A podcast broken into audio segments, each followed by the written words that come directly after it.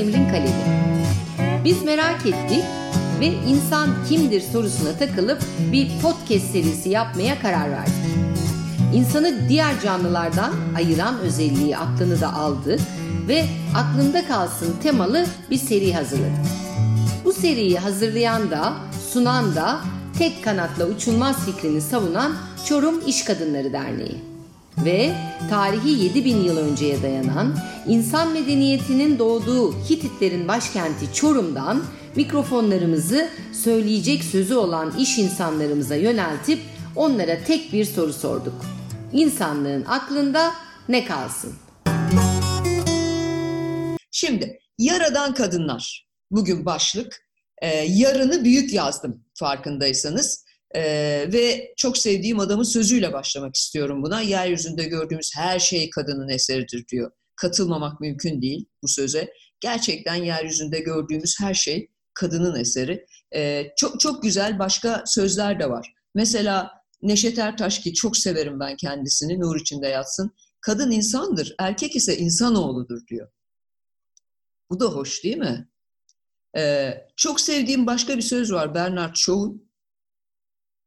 Kadınların sözüm ona siyasal güçleri yoktur ama ve lakin erkekleri siyasal güç edindirmek için aslında kadınlar başrolde oynarlar mealinde bir lafı var.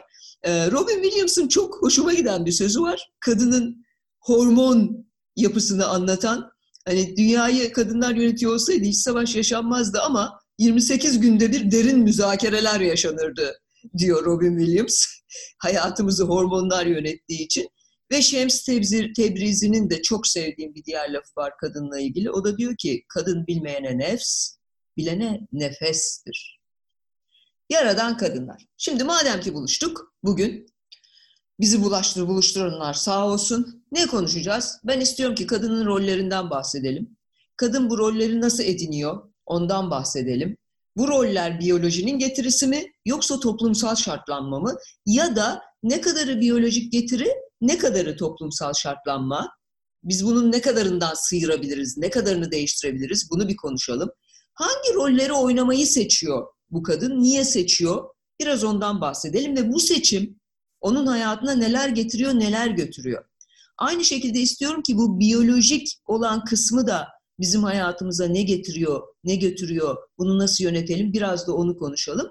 Ve de bütün bu rolleri oynamaya devam ederken hayatımızı daha keyifli, daha huzurlu, daha performanslı geçirebilmek için neler yapabiliriz? Bugün ben size bunlardan bahsetmek istiyorum. Ee, sonra da e, bitirdikten sonra bir soru cevap kısmı açalım, sohbet edelim. Bakalım neler konuşacağız daha da. Kim bilir siz neler ekleyeceksiniz bunun üstüne. Şimdi kadının pek çok rolü var. Bu seminerin başlığı yaradan kadınlar dediğim gibi. Dolayısıyla kadının bir yar rolü var. Yar deyince bizim edebiyatımızda da çok geçen bir laftır bu. Özellikle halk edebiyatında çok kullanılan bir laftır. Halk arasında çok kullanılan bir laftır. Yar nedir? Ee, ve niye yar deyince nedense önce kadın cinsi gelir aklımıza. Bunu biraz konuşacağız. Kadının yaralarından bahsedeceğiz. Yaralanmaya açık bir yapı kadın. Yaraları nerelerden ve bu yaraları tamir etmek için bu kadın neler yapıyor? Bu yaraların üstesinden nasıl geliyor? Sonra da kadının yaratıcılığından bahsedeceğiz. Yani sadece rahimiyet, doğurganlık özelliğinden değil, kadının hayatındaki erkekleri nasıl şekillendirdiğinden, onu hayatın basamaklarında taşıyıp nasıl farklı bir insana dönüştürdüğünden bahsedeceğiz. Her kadının böyle bir misyon demeyeceğim ama kendine biçtiği bir misyonu var. Sonra da evde, işte hayatın her sahnesinde, her rolde problemlere, çaresizliklere yaklaşımındaki yaratıcılığından da bahsedeceğiz. Dolayısıyla yaradan kadınlar deyince ben bunların hepsini konuşalım istiyorum sizinle bugün. Yardan başlayalım. Yar ne? Sözlüğe baktığınızda uçurum demek. Bak çok tehlikeli. Yar ve uçurum yan yana. Sevgili demek, yavuklu demek, dost demek, tanıdık demek, yardımcı demek, arkadaş demek. Aşık Veysel diyor ki benim sadık yarım kara topraktır. Ana gibi yar, Bağdat gibi diyar olmaz diyoruz. Atalar sözümüz var. Ama tekrarlıyorum. Yar deyince nedense hep kadın cinsi geliyor bizim aklımıza. Çünkü biz yar dediğimiz kimseye aslında kadına yakıştırdığımız rolleri daha çok yüklüyoruz. Neler bekliyoruz biz yardan? Mesela sadık olmasını bekliyoruz. Sevecen olmasını bekliyoruz. Bizi kucaklamasını bekliyoruz. Sevgi göstermesini bekliyoruz. Bize destek olmasını bekliyoruz. Yorulduğumuz yere merdiven kurmasını bekliyoruz. Bize ortaklık, eşlik yapmasını bekliyoruz. Ve aslında kadınlar olarak biz de bütün bunları erkeklerden bekliyoruz. Bunlar yar kimliği altında ya da ismi altında çoklukla benim ülkemin kültüründe kadına yükleniyor bu roller ama ve lakin biz de aynılarını kendi yarlarımızdan bekliyoruz. Ama literatüre baktığınızda bize yar deniyor. Onlara yar denmiyor nedense. Yar kadının üstüne yapışmış bir sıfat. Beklenti kadından daha yüksek, erkekten daha yüksek değil. Peki bu toplumsal bir şartlanma mı? Bakın halk arasında Anadolu'da çok söylenir, eminim duyanlarınız var. Kız çocukları pek muteber değildir malum. Kız bebek çok muteber değildir. Hala maalesef hala. Derler ki kız bebek dermiş ki beni 40 gün atmayın. 40 gün sonra ben zaten kendimi attırmam. Kız çocuğu doğuştan nasıl ilişki kuracağını biliyor bakın. Kız çocuğu olanlar gayet iyi biliyor aranızda. O babayı nasıl kafaya alıyor değil mi? Babacım, babacım, babacım diye. Biraz ilerleyen yaşlarda zaten biz kız çocuklarını bazen babada bir şeyleri yaptırmak için öne koyup kullanabiliyoruz. Babana sen söylesene, babandan sen istesene şekle şeklinde. Kız çocuğunun babayla farklı bir muhabbeti var. Cilveli. Kim öğretti bu cilveyi ona? Cilveyi tırnak içinde kullanıyorum yanlış anlamayacağınıza güvenerek. Kim öğretti? Hiç kimse. Hiç kimse bakın. Doğuştan getiriyor.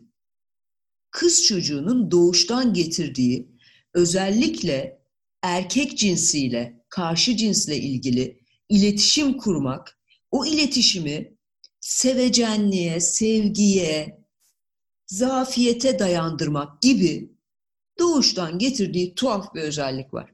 Bunu sadece ben söylemiyorum. Bunu genetik üstüne çalışan, nörobilim üstüne çalışan, biyoloji üstüne çalışan, Harvard'da çalışan, Oxford'da çalışan bilim adamları da söylüyor. Buralardan sürekli araştırıyorum ben bunu. Dolayısıyla diyorum ki tamam toplumsal bir şartlanma var kadına yüklenen rolde. Özellikle bu yarlık rolünde. Devamını da konuşacağız. Ama ve lakin bunun bir kısmı biyolojik kardeşim. Biyoloji de bana bunu bir şekilde hediye etmiş diyorum ben. Hediyeden memnun olmayanlarınız olabilir aranızda. Peki biz nasıl ayrışıyoruz? Bakın bu işin biyolojisinden madem bahsettik, biraz biyolojiden bahsedelim. Şimdi doğanın döngüsü çok önemli bir şey bu bence. Kadın yaratmak üzerine kurgulanmış. Hepiniz biliyorsunuz X ve Y kromozomlarından oluştuğumuzu değil mi? XX ile XY bir araya geliyor. Kadın X, erkek Y. XX ile Y, XY bir araya geliyor. Bu ikisinin bir araya gelmesinden fetüs oluşuyor. Yani bebeğin ilk hali değil mi bu? Bu fetüsün içinde ne var kromozom olarak? XX, XY, XX, sonra XY. Baktığınızda farkında mısınız? X'ler daha fazla. Biyolojide çok acayip bir şey var. Ve bakın bazı dillerde aslında hiç farkında olmadan buna gönderme yapan kelimelerle çağrılıyor kadın ve erkek. Kadın aslında erkeği kapsayan bir şey biyolojik olarak. Çok acayip bir şey söylediğimi farkındayım ama biyoloji konuşuyor, ben konuşmuyorum. Kadın erkeği kapsayan bir şey. Bak XX'ler, XY'ler bana gösteriyor. Kaç tane X, kaç tane Y var say göreceksin sen de. Male diyor, female diyor değil mi? Man diyor, woman diyor. Female'in içinde male var, woman'ın içinde man var. Bakın 6. haftaya kadar fetüsler aynı. Tüm embriyolarda hem kadın hem erkek seks organlarının öncülleri var. Fakat SRY denen bir gen var namussuz. Y kromonoz, kromozomunda bu. Yani erkekten gelen kromozomda. Bu gen sayesinde testislerin gelişmesini sağlayan gen bu. Bu gen sayesinde gelişmeye başlayan testislerden iki tane hormon salınıyor ve üçüncü ay civarında öncüllerden bir tanesi baskılanıyor. Ya kadın cinsel organları baskılanıyor ya erkek cinsel organları baskılanıyor. Bu SRY geni sayesinde oluyor bu. Onun için 3 aydan önce cinsiyetini belirleyemiyorlar çocuğun, göremiyorlar. Çünkü her şey olabilir. Daha belli değil. Hangisinin baskılanacağını daha bilmiyor tıp o aşamada. Ve sistem, sistem, biyolojik sistem, kadını engelleyen, erkeği destekleyen bir şekilde kurulmuş. Aksi takdirde bu SRY geni devreye girmezse bütün çocuklar kadın, bütün fetüsler kız. Dolayısıyla doğa bakın kadın yaratmak üzerine kurgulanmış biyoloji. Aynı tohumdan başlıyor, büyürken dalları bu diyorsun kadın oluyor. Böyle de ifade edebiliriz. SRY geni sayesinde erkek ya da kadın çıkıyor. Dolayısıyla biyolojik olarak peki bunun önemi nerede? Bunun önemi nerede? Biyolojik farklılıkları biz niye bilmeliyiz? Bu bizi niye ilgilendiriyor? Neden hayatımızda bu kadar önemli? Çünkü biyolojik farklılıklar bizim beynimizin çalışma mekaniğini belirliyor. Günün sonunda insan dediğiniz şey bundan oluşuyor. Bundan başka bir şey yok. Ana kumanda merkezi burası. Bütün hayatı, bütün vücudu, bütün hormon sistemini, her şeyi yöneten burası. Ben beynim desem doğru bir laf etmiş olurum. Hatta çok sevdiğim bir laf var. Einstein ediyor bu lafı. Ee, diyor ki insan aslında beyindir. Ayaklar, vücut filan onu gezdirmeye yarar sağda solda. Hareket edebilsin diyedir. İnsan aslında beyindir. Ve bu biyolojik farklılıklar bizim beynimizin çalışmasını değiştiriyor. Biliyorsunuz ki tek yumurta ikizleri dahi herkesin beyni farklı. Doğuştan getirdiğimizin üstüne bir de plastiste denen bir şey var. Ne demek bu? İçinde yaşadığımız ekosistemden etkileniyoruz. Yani genimiz evriliyor. Doğduğumuz halde kalmıyor. Ve ekosistem, içinde doğduğumuz sistem çok önemli. Bu yüzden bebekleri büyütürken ne kadar interaksiyona maruz kaldıkları, onların ne kadar gelişeceğiyle ilgili hayati önem taşıyor. Araştırmalar şunu gösteriyor. Küçük bebeği olanlar ne olur buna dikkat etsin. Bakın cinsiyetten kaynaklı biyolojik özelliklere bağlı beynin çalışma e, ne diyelim özellikleri ve e, kapabilitesinin cinsiyet etkisi yüzde üç, interaksiyondan kaynaklanan yüzde elli. Yani siz çocuğun yaşadığı, bebeğin yaşadığı ekosistemi farklılaştırarak onu daha çok interaksiyon ne demek? Daha çok bilgiye maruz bırakmak demek. Ne kadar çok onun beynini bilgiye maruz bırakırsanız o kadar çok nöronal ağ gelişmesini sağlıyorsunuz beyninde. Bir bebeğin beyninde yetişkin bir insanınkinden daha yüksek sayıda nöronal ağ var. Budana budana bu hale geliyor insan. Biz onları çünkü kullanmaya kullanmaya kullanılmayan her nöronal ağ devreden çıkıyor, çıkıyor, köreliyor. Dolayısıyla bebeği, çocuğu 3 yaşına kadar ne kadar çok bilgiye maruz bırakırsanız, enformasyon bombardımanına tutarsanız onun o nöronal devrelerinin körelmesi, körelmesine o kadar engel olabilirsiniz. Keşke hepimize yapsalar bunu. O beyinler öyle kalsa. Peki, dönüyorum kadınla erkeğe geri. Bebek kısmı da benim için önemli. Onun için dalgalanınca çıkamıyorum hemen. Şimdi bir karşılaştırma yapalım. Madem hayatımızda önemli, erkek beyniyle kadın beyni arasında ne farklar var ve bu nasıl yansıyor bizim hayatımıza? Şimdi hangi ölçülerde kıyaslayalım? Hücre sayısına bakalım, büyüklüğüne bakalım, bağlantı haritasına bakalım. Yani nöronlar nasıl bağlanıyor birbirine ona bakalım.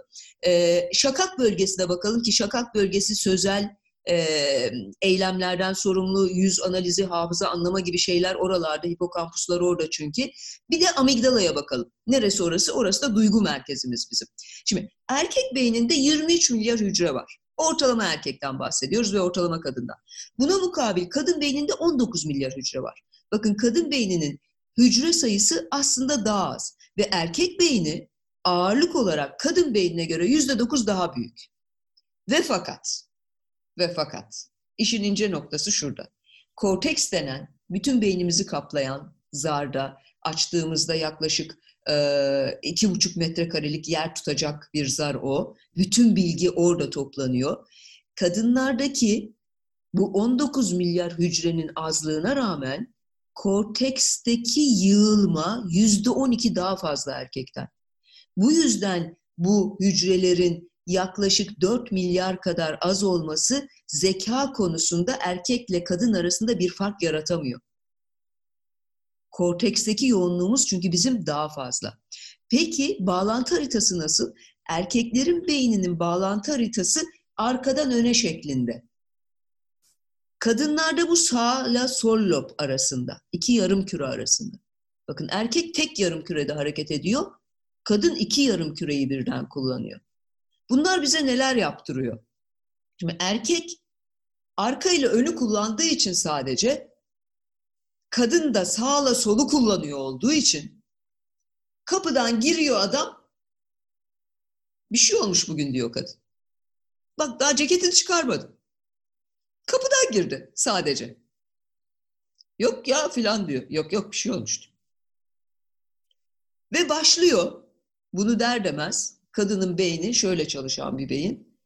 Dosyaları açıyor, açıyor, açıyor, açıyor. Bilgisayar gibi şu an benim arkada bir sürü dosya açık ekranımda. Açıyor, açıyor, açıyor, açıyor, açıyor. Eskisi var, yenisi var. Henüz gerçekleşmemiş hayale dayalı olanı var. Tamam Ve bütün bu dosyaların arasında taramaya başlıyor. Nasıl yapabiliyor bunu? Andan kopmadan. Çünkü iki lobu da aynı anda kullanıyor. Arada bağlantılar var. Herkeste var ama kadında bu daha yoğun. Erkek sadece ön ve arkayı kullandığı için daha risk almaya eğilimli.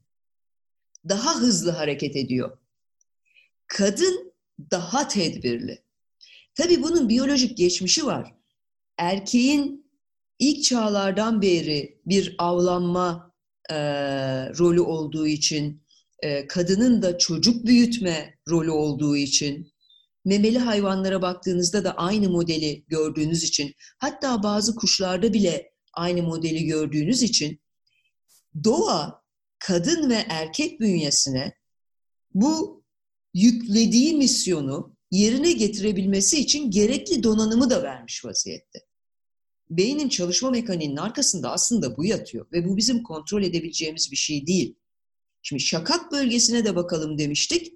Bilişsel empati erkekte daha yüksekken duygusal empati kadında daha yüksek. Bu yüzden bir şey olmuş bugün diyor. Amigdala erkekte üç boyutlu algı, yön bulma konularında daha iyi çalışırken kadında epizodik hafıza var. Ne demek bu? Fotografik hafıza. Fotoğrafı çekiyor ve detay detay konuşuyor. Biz şöyle şeyler yaşıyoruz ya erkek arkadaşlarımızla. Bunlar eşlerimiz olabilir, partnerlerimiz olabilir, babalarımız olabilir, oğullarımız olabilir. Fark etmez. Şöyle şeyler yaşıyoruz değil mi? Bir şey anlatmak istiyorsun, başlıyorsun, işten gelmişsin. Ya hiç sorma bugün gene geldi adam bilmem neyi bilmem ne diye. E gitme çalışma o zaman diyor erkek. Diyorsun ki kardeşim çalışmayayım demiyorum ben sana. Şimdi niye sıkıldı? Sıkılır. Beyni öyle çalışıyor. Çözüm üretmek üzere çalışıyor. Hızlı aksiyon alması lazım. Onun doğası o. Hızlı aksiyon alacak. Bana aksiyon öneriyor. Halbuki kadının istediği o değil. Kadın anlatacak. Anlatacak. Detaylı detaylı anlatacak. Dinlenilmek istiyor. Bizim mesela temel anlaşmazlık sebeplerimizden biri budur. Siz partnerinize, erkek partnerinize bir şey anlatmaya çalışırken o size sürekli çözüm önerir. Kes, kes, çözüm. Kes, çözüm. O zaman öyle yap. O zaman bunu yapma. Niye gidiyorsun? Niye yüz veriyorsun? Halbuki benim istediğim çözüm değildir ki. Ben beni birisi dinlesin istiyorumdur. Ben o konuyu anlatmak istiyorumdur. Ve detaylı anlatmak istiyorumdur. Neden? Benim beynim öyle çalışıyor. Episodik hafızam var benim. Diyorum ki bu sabah girdim, geldi karşıdan. kareli bir gömlek giymiş, masa örtüsü gibi zaten hiçbir şeye benzemiyor. Ona da uymayan bir kravat takmış. Şimdi ben anlatıyorum. Normal bir kadın böyle anlatır. Şimdi diyor ki ee, ee, ee, ne oldu? Diyorum ki ya dur anlatacağım. Bir dinlemiyorsun, bir konuşturmuyorsun adamı. Dolayısıyla bugünden sonra biraz daha az kızalım onlara. Yapacak bir şeyleri yok. Ee, erkek arkadaşlara da hep şunu tavsiye ediyorum yani. Bir kadınla didişmeyin, didişmeyin. Bir kadınla didişmek kolay bir şey değildir çünkü. Bu riski almayın. Çünkü beyinlerimiz farklı çalışıyor. Bu kadın erkek iletişimindeki en önemli problemin kök nedeni aslında. Birbirimizi anlamakta zorlanıyoruz. Farklı diller konuşuyormuşuz gibi geliyor. Aslında değil. Şimdi bakın mesela bu duygusal empatinin yüksek olması, sağ ve sol kürenin aynı zamanda kullanılıyor olması kadınlara başka özellikler de getirir. Nedir onlar? Kız bebeklerin veya kadınların göze bakma, duygusal ifadelere karşı hassaslık ve hikayelerdeki sosyal konuları kavrama yetkinlikleri erkeklere kıyasla daha yüksektir. Neden? İnsanoğlunun bebeği doğadaki en uzun süre bakıma ihtiyaç hisseden bebek memeliler arasında. Bakın bir insanoğlunun yavrusu neredeyse bir yıl minimum en erken ayağa kalkanı bir yıl yatay konumda. Beslemesen ölür. Bir yıl yatay konumda bakıma muhtaç. Diyor ki biyologlar insanoğlu aslında gelişimini tam olarak özellikle beyinsel gelişimini tamamlamadan doğuyor. Bunun da sebebini şeyle açıklıyorlar. Yani daha fazla tamamladığında ve bütün e, olgunluğuna ulaştığında kadının yapısı gereği o kafanın oradan çıkması ve o bebeğin doğması mümkün değil. E, dolayısıyla gelişiminin bir kısmını dışarıda tamamlıyor insanoğlunun yavrusu. Şimdi bu kadar bakıma muhtaç bir varlığın ses tonundan, e, yüzündeki mimikten, gözündeki bakıştan, vücudundaki minicik hareketten neye ihtiyacı olduğunu anlamak, ona ihtiyacını vermek, bakımı vermek annenin rolü. Bu rolü doğru yerine getirebilmesi için bu yetkinliğe sahip olması gerekiyor. Aranızda anne olanlar biliyorlar. E, bebeğin ağlama tonundan niye ağladığını bilir annesi. Öncelikle kendi bebeğinin sesini bir kere ayırt eder, değil mi? Bir sürü bebeğin ağlama sesinin arasından baba ayırt edemez. Baba komşunun çocuğu ağlıyor ya da filmden geliyor zannederken anne kalkar gider. Ve ağlamanın tonundan giderken acıktı, kakasını yaptı, gazı var, sıkıldı, oyun oynamak istiyor gibi yorumları da yapar. Ve bu yorumlar yüzde yüz doğrudur. Şimdi bu ikili ilişkilerde de acayip çalışıyor biliyor musunuz? İkili ilişkilerde işin Hint tarafını söyleyeyim. Güldüreyim sizi biraz. Şimdi kadınlarla erkekler arasındaki en büyük tartışma konularından biri yanında partneri varken başka hanımlara bakmasıdır bir erkeğin. Tamam mı? Fakat kadın da bakar. Fakat kadınlar göz atma işini işte bu özellik yüzünden o kadar kısa sürede yaparlar ki ve erkek arka ve ön tarafı kullandığı için o kadar uzun sürede yapar ki kadın yakalanmaz, erkek yakalanır. Bu kadar basit. Yoksa biz de göz atarız. Hop diye. Ama o kadar hızlı göz atarız ki yakalanmayız. Ama erkeğin o kadar kısa sürede göz atması mümkün değildir. Dolayısıyla yakalanır. Şimdi bu yüzden aramızda erkek katılımcılar varsa onları uyarıyorum. Bakın canım erkek arkadaşlarım, siz de uyarın arkadaşlarınızı. Kadınlara yalan söylemeye kalkmayın. Kadınlar yalanı okur, anlar, anlar, yemez. Mümkün değil. Neden? Çünkü o kendisinin de farkında olmadığı şekilde arka planda sizin yüzünüzdeki minimal kas hareketlerini deşifre ediyor. Hepimizin beyni bunu yapıyor. Kadın beyni bunu daha hızlı yapıyor ve bunu yapmaya yönelik çalışıyor. Minimal kas hareketleri var yüzümüzde, gözümüzde. Bizim bilinç düzeyinde farkında olmadığımız. Ama beynimizin arka planda yakaladığı fotoğraf makinesi gibi. Biz farkında bile değiliz. Bu yüzden insanlarla ilgili ilk 3 ila 8 saniye arasında karar veriyoruz. O yakaladığımız fotoğraflar sayesinde. Bu yüzden e, ilk bakışta bir şey hissediyorsunuz. Ne olduğunu anlamadığınız bir şey. Beyin yakalıyor onu. Tam yeri gelmişken şu konuda sizi uyarmak isterim. E, botoks biliyorsunuz çok bir sürü insan tarafından çeşitli sebeplerle tercih edilen ve yüzde de çok yaptırılan bir şey. Yaptırmamanızı öneririm. Botoksla ilgili okuduğum bir makale var. E, iki yıl kadar oldu bu makaleyi okuyalı. E, beynimizde biliyorsunuz, parantez açıyorum, kapatacağım parantezi. Çok e, Kadınları çok ilgilendiren bir konu çünkü. E, beynimizde ayna nöronlar var biliyorsunuz. Ayna nöronlar e, empati için çok gerekli nöronlardır. Ayna nöronlar sayesinde biz empati sergileriz. Ayna nöron ne yapar? Biri esnediğinde esnemenize sebep olan şey beyninizdeki ayna nöronlardır. Biri kaşındığında kaşınmanıza sebep olan şey beyninizdeki ayna nöronlardır. Bunu bizim atalarımız bilir zaten. Üzüm üzüme baka baka kararır derler. Kıratın yanında duran ya hıyına ya suyuna derler. Körle yatan şaşı kalkar derler. Bunların sebebi bilimsel olarak ayna nöronlardır. Şimdi bu ayna nöronlar siz hiç farkında olmadan o demin bahsettiğim minimal kas hareketlerini karşı taraftaki yakalıyor ve karşı tarafla iletişim kurarken empati sergilemenizi ve onu anlamanızı kolaylaştırıyor. Şimdi botoks biliyorsunuz kasları donduran bir şey. Kası bloke ediyor. Hareket etmemesini sağlıyor. Şimdi oradaki hareket kısıtlanınca siz iletişim kurarken karşınızdaki insan sizin o minimal kas hareketlerinizi algılamıyor. Yani karşınızdaki insan derken beyin, karşınızdaki beyin algılamıyor. Algılamadığı için sizi dinlerken empati kurması çok zorlaşıyor. Beyin gerçekleştiremiyor çünkü. Bakın botoksun hiç bahsedilmeyen böyle çok önemli bir zararı var. İletişim problemlerine sebep olabilir anlaşılmanızı zorlaştırabilir insanlar tarafından. Aman anlamasınlar, güzel gözükeyim diyebilirsiniz. Siz bilirsiniz. Hayat sizin hayatınız. Ben karışmam. Peki, şimdi bakın küçük bir test yapmışlar bebeklere. Gene erkek e, ve kız bebeklerin beyinleri arasındaki farkı algılamak için. Henüz 24 saat olmuş bakın yani yeni doğan, bebek bile demiyorlar onlara biliyorsunuz. Yeni doğan 102 e, tane bebeğe bu gördüğünüz yüzleri gösteriyorlar. Bir tanesi gayet güzel, bütün organlar, e, ağız, burun, kulak yerli yerinde. Bir tanesi de mekanik yüz diye tanımlanan bir şey. E, farklı yerlere konmuş, değiştirilmiş yerlere.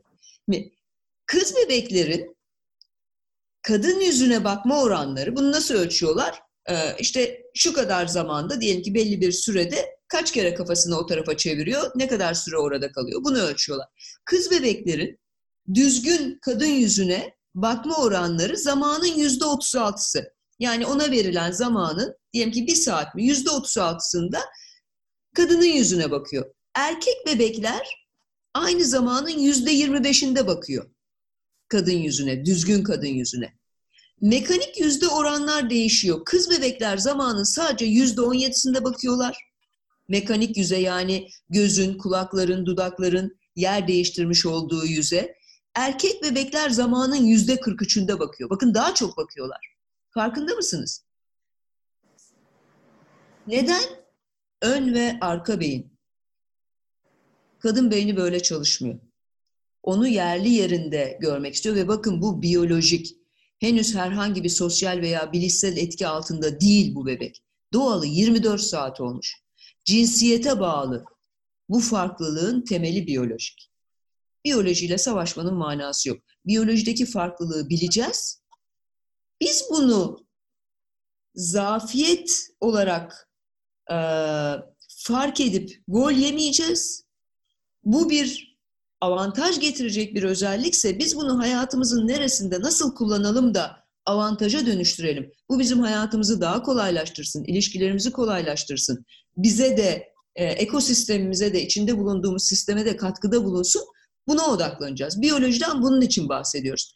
Peki, benim karşımda kimler var şu an? İş dünyasından insanlar var. Dolayısıyla bunun iş dünyasına yansıması nasıl oluyor? Bu biyolojik farklılık iş dünyasında kadın ve erkek iş insanlarına ne tür yansımalarda bulunuyor? Bu kısmı önemli. bu alt e, dolgu malzemesini onun için anlattım size.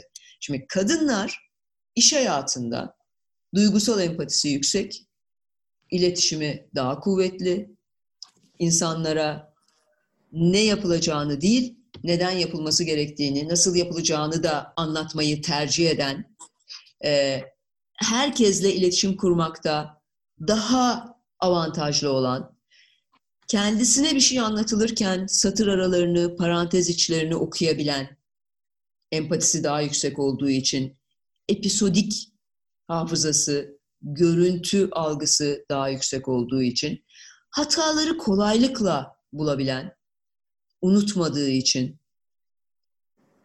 çok fazla dosyayı aynı anda açıp, aynı anda o dosyaların arasında gidip gelebildiği için, aynı anda birden fazla işe odaklanabilen, genellikle çalışırken daha derleyici, toplayıcı, genellikle, bütün kadınlar için değil ama genellikle bu biraz toplumsal rolden de kaynaklanıyor. E, derleme toplama rolü bizim evlerimizde hep kız çocuğa yüklendiği için ağırlıklı, e, kadın daha derli toplu çalışıyor. E, erkeklerin arasında derli toplu çalışma oranı daha düşük. Hayaller kurabilen, büyük hayaller kurabilen. Nasıl? Neden? Çünkü hem sağ beyin hem sol beyin arasında iletişim var. E, biliyorsunuz hayal kurabilmek daha ziyade sağ beyinde bulunan nöronların, sağ lobda bulunan nöronların sorumlu olduğu bir alan. Sözel kısımdan orası sorumlu aynı şekilde. E, henüz olmayan şeyleri kurup bir de ismine sezgi dedikleri e, benim duygusal bir şey olmaktan ziyade aslında analitik bir şey olduğuna inandığım ve kadın beyninin biyolojik farklılığından ötürü kadın cinsinde daha çok olduğunu düşündüğüm öngörü diyelim buna. Fütürizmden bahsetmiyorum ama şöyledir değil mi? Sevmedim ben o adamı der mesela. Sen, sen, ya nesini sevmedin adamın der kocası. Ya sevmedim bir şey var der ve sonra o bir şey çıkar. Ne olduğunu o da bilmiyordur o sırada. Neden? İşte o biyolojik özellikler yüzünden nasıl kendi bebeğini okuyabiliyordu, neye ihtiyacı var, ne yapıyor, doğru mu söylüyor, yalan mı söylüyor. Aynı şeyi bütün insanlar için yapabiliyor. Sadece kendi bebeği için değil. Çünkü beyin öyle çalışıyor. Dolayısıyla o hayalleri kurup satır aralarını okuyabiliyor. Ee, karşısındaki insanla ilgili güvenip güvenmeme konusunda sezgileriyle daha hareket edebiliyor. Ama buna mukabil fazlaca detaya girme olasılığı var. Gene beynin çalışma mekaniği yüzünden. Detaylar önemli çünkü. Resimdeki bütün detaylar önemli. Ee,